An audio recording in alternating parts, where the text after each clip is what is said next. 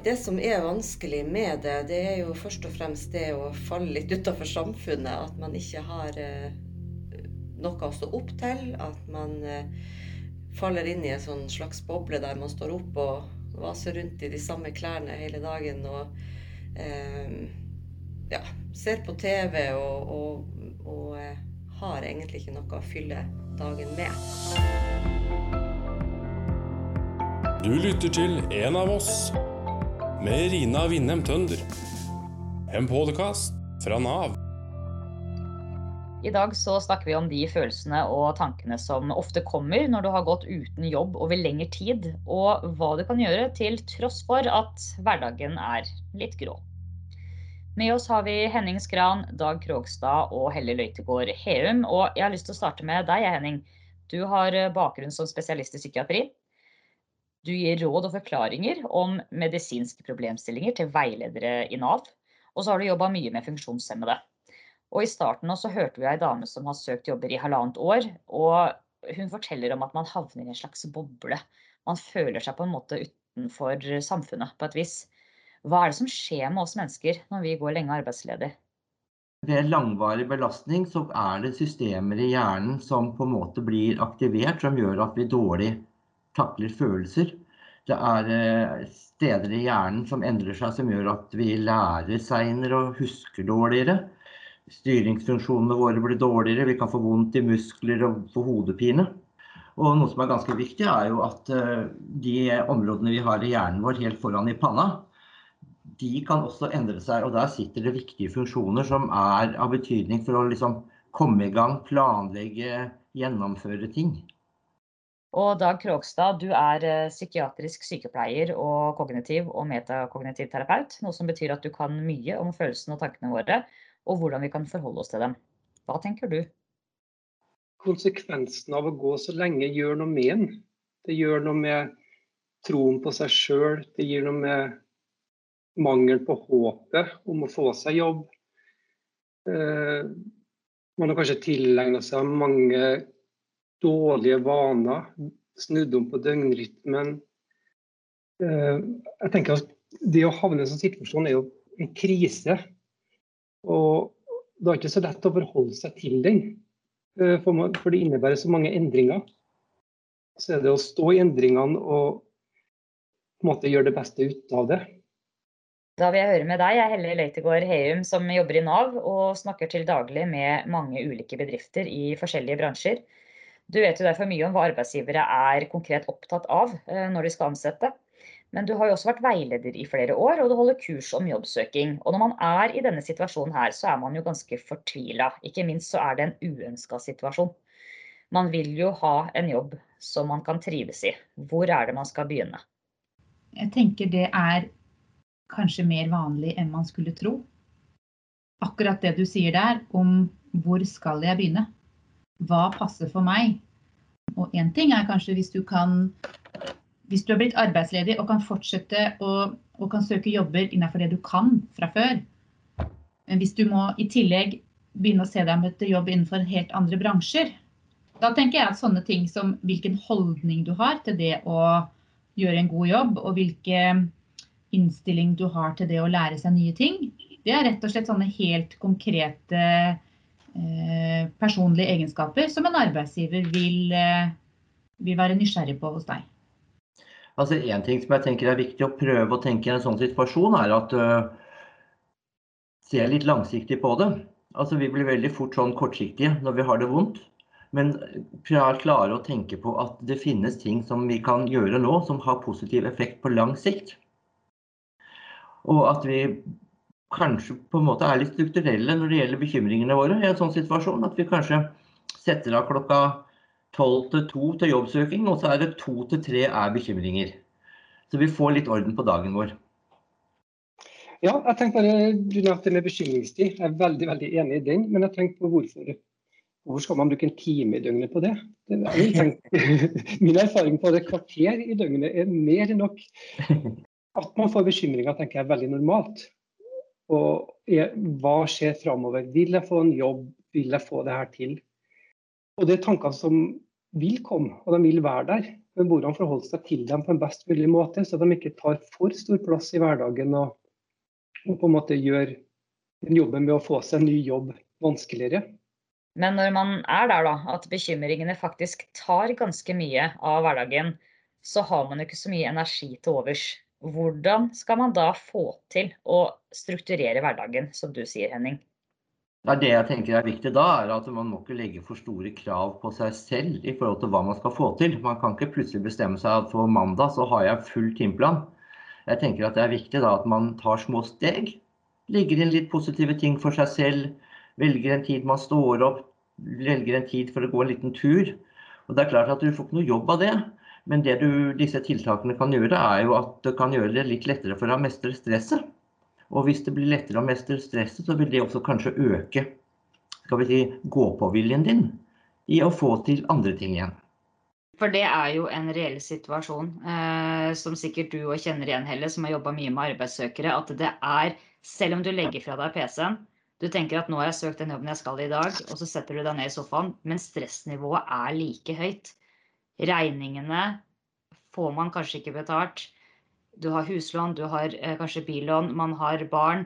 Eh, det er en indre stress og uro der hele veien fordi du ikke får landa den jobben.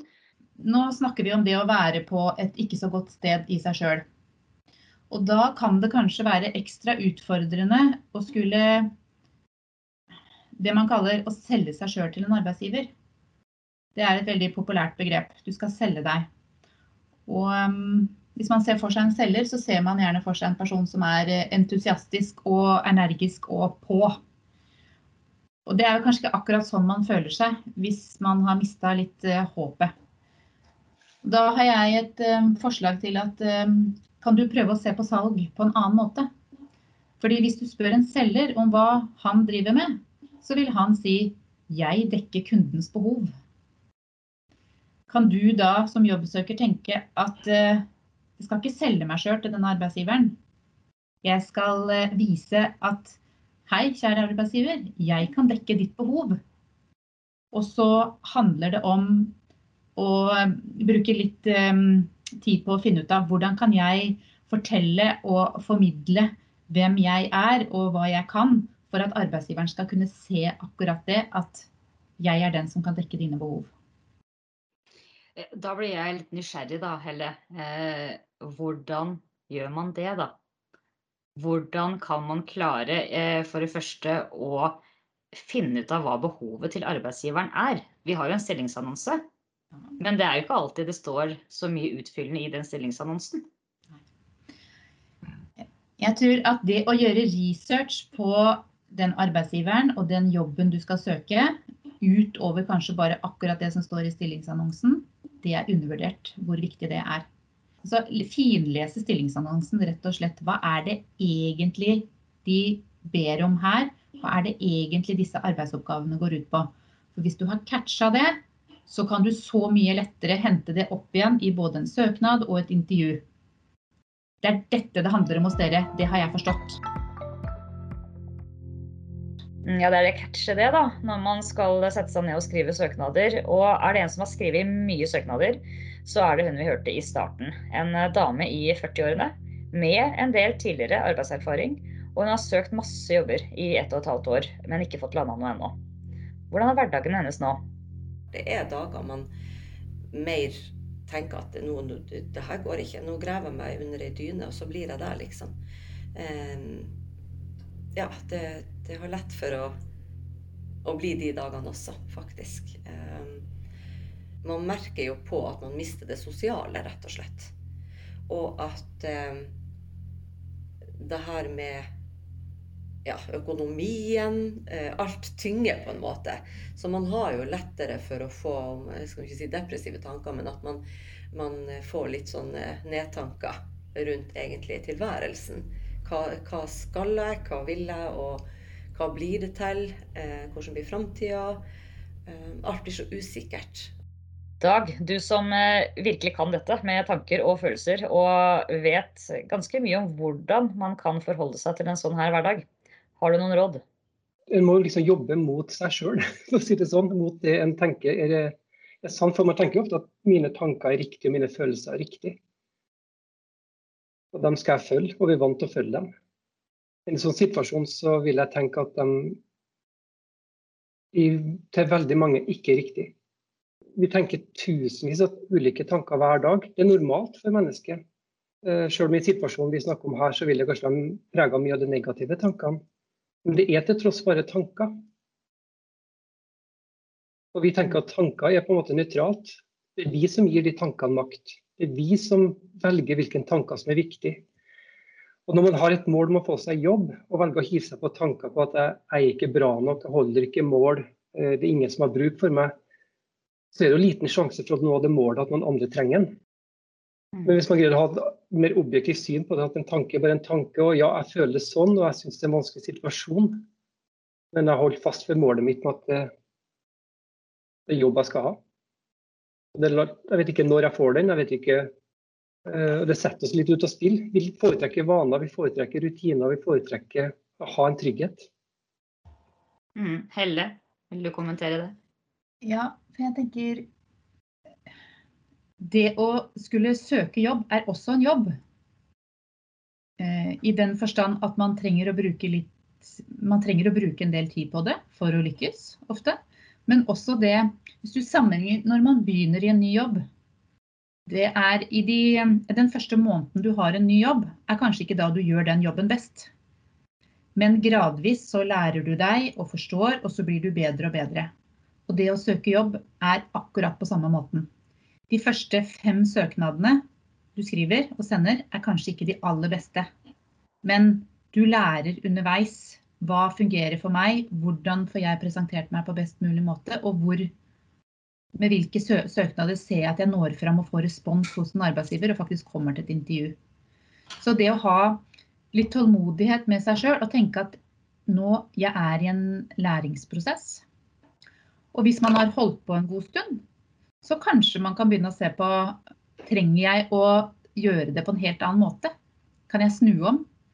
Søker du f.eks. bare på utlistestillinger, er det sånn at du også kan finne ut hvilke arbeidsgivere fins innenfor eh, den reiseveien som er mulig for meg, som kan ha behov for folk.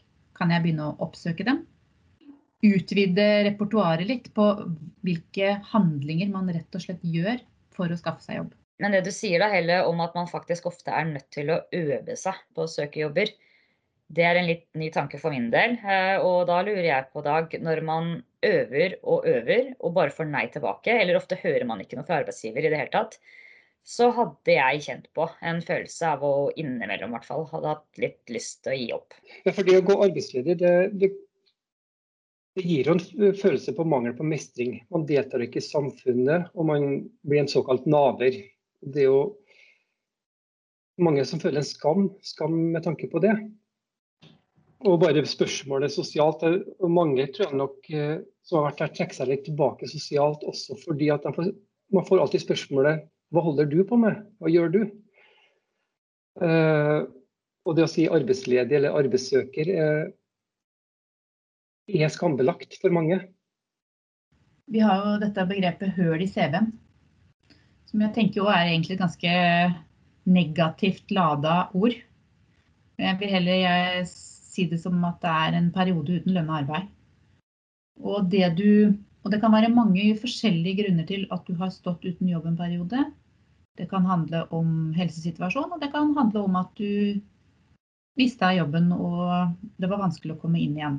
Og når du har stått utafor arbeidslivet en stund, da, vært en periode uten lønna arbeid, kan du da se på hvilke erfaringer har du gjort deg i denne perioden?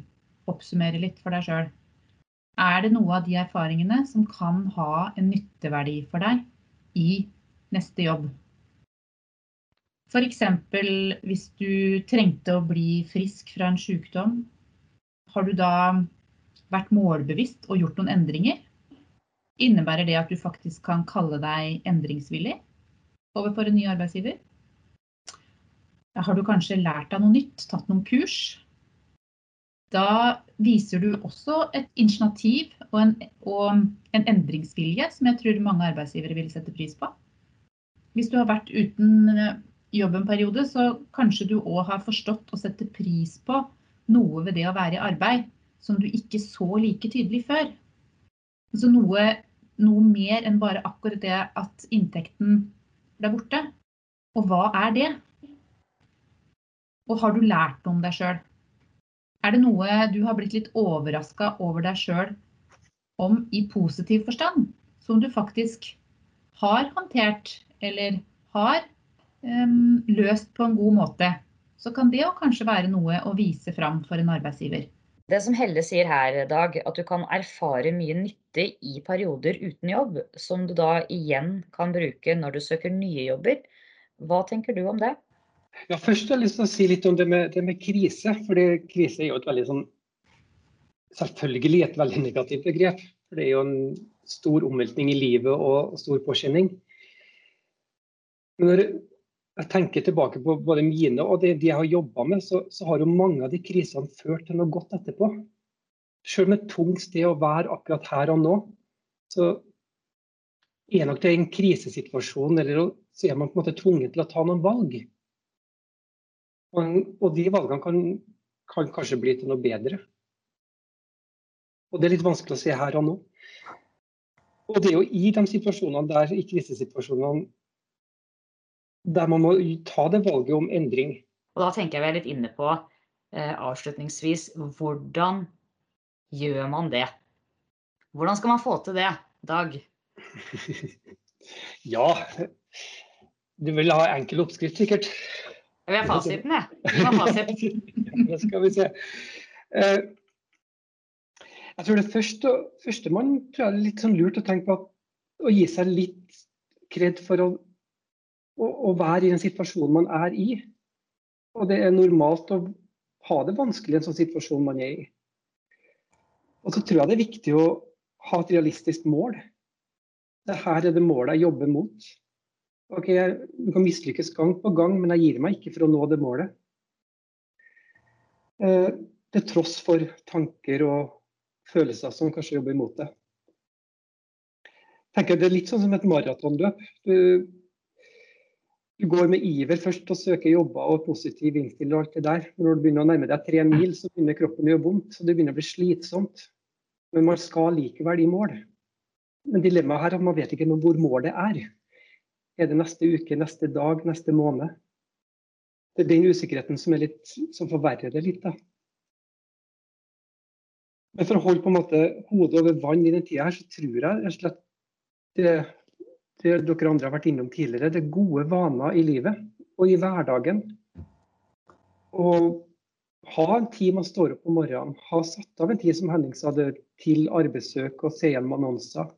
Sett av en bekymringstid, hvis det er mange av dem. Og gjerne litt fysisk aktivitet oppi det her, for det vet vi gjør godt for den fysiske og psykiske helsa. Og bruk folk rundt seg til å få løfta han litt opp. Jeg syns det var veldig godt sagt det du sa, Dag, om at uh, man vet ikke hvor mållinja er. Altså, det blir et maraton som du ikke veit når tar slutt. Hvordan er det da lurt å prioritere kreftene, rett og slett? Og hva passer for meg? Hvilken hjelp trenger jeg egentlig å uh, be om? Har jeg noen i forhold til jobbsøking òg? Kjenner jeg noen kan, som kan hjelpe meg litt på på veien. Lese over søknadene mine når jeg skriver noe. Ehm, vi snakker om det at endring er skummelt, men det er også skummelt å skulle sende en søknad eller skummelt, og det kan være ubehagelig å si, brette ut noe om seg sjøl. Eh, vise seg litt sårbar, ikke vite helt eh, Blir jeg vurdert som god nok? Når jeg opp? Og Det kan gjøre at man lar være, at man holder igjen. Kanskje ikke sjekker ut at man unngår å ta noen telefoner til noen arbeidsgivere for å spørre om noe man egentlig lurer på, eller sjekke ut noen muligheter. At man unngår å la være å søke på noen jobber som man kanskje kunne søkt på. Og da tenker jeg at det ubehaget ved å den, gjøre noe som man syns er ubehagelig i en jobbsøkeprosess. Og kanskje minne seg på at det er et litt midlertidig ubehag, mens ubehaget ved å gå og være jobb jobbsøkende lenge kan i sum bli ganske mye større. Så ved å utfordre seg sjøl på litt sånne ting som, som, som man veit er lurt å gjøre, i forhold til det å ta noen steg videre på å skaffe seg en jobb, og faktisk gjøre det. Stå i det ubehaget en stund. Fordi at det er sannsynlig at det vil øke mulighetene dine. Da fikk du siste ordet, Helle Løitegård Heum. Takk til deg. Og takk til Dag Krogstad og Henning Skran. Og ikke minst, tusen takk til deg som har hørt på oss i dag. Dette er podkasten En av oss. Jeg er Rina Winnem Tønder.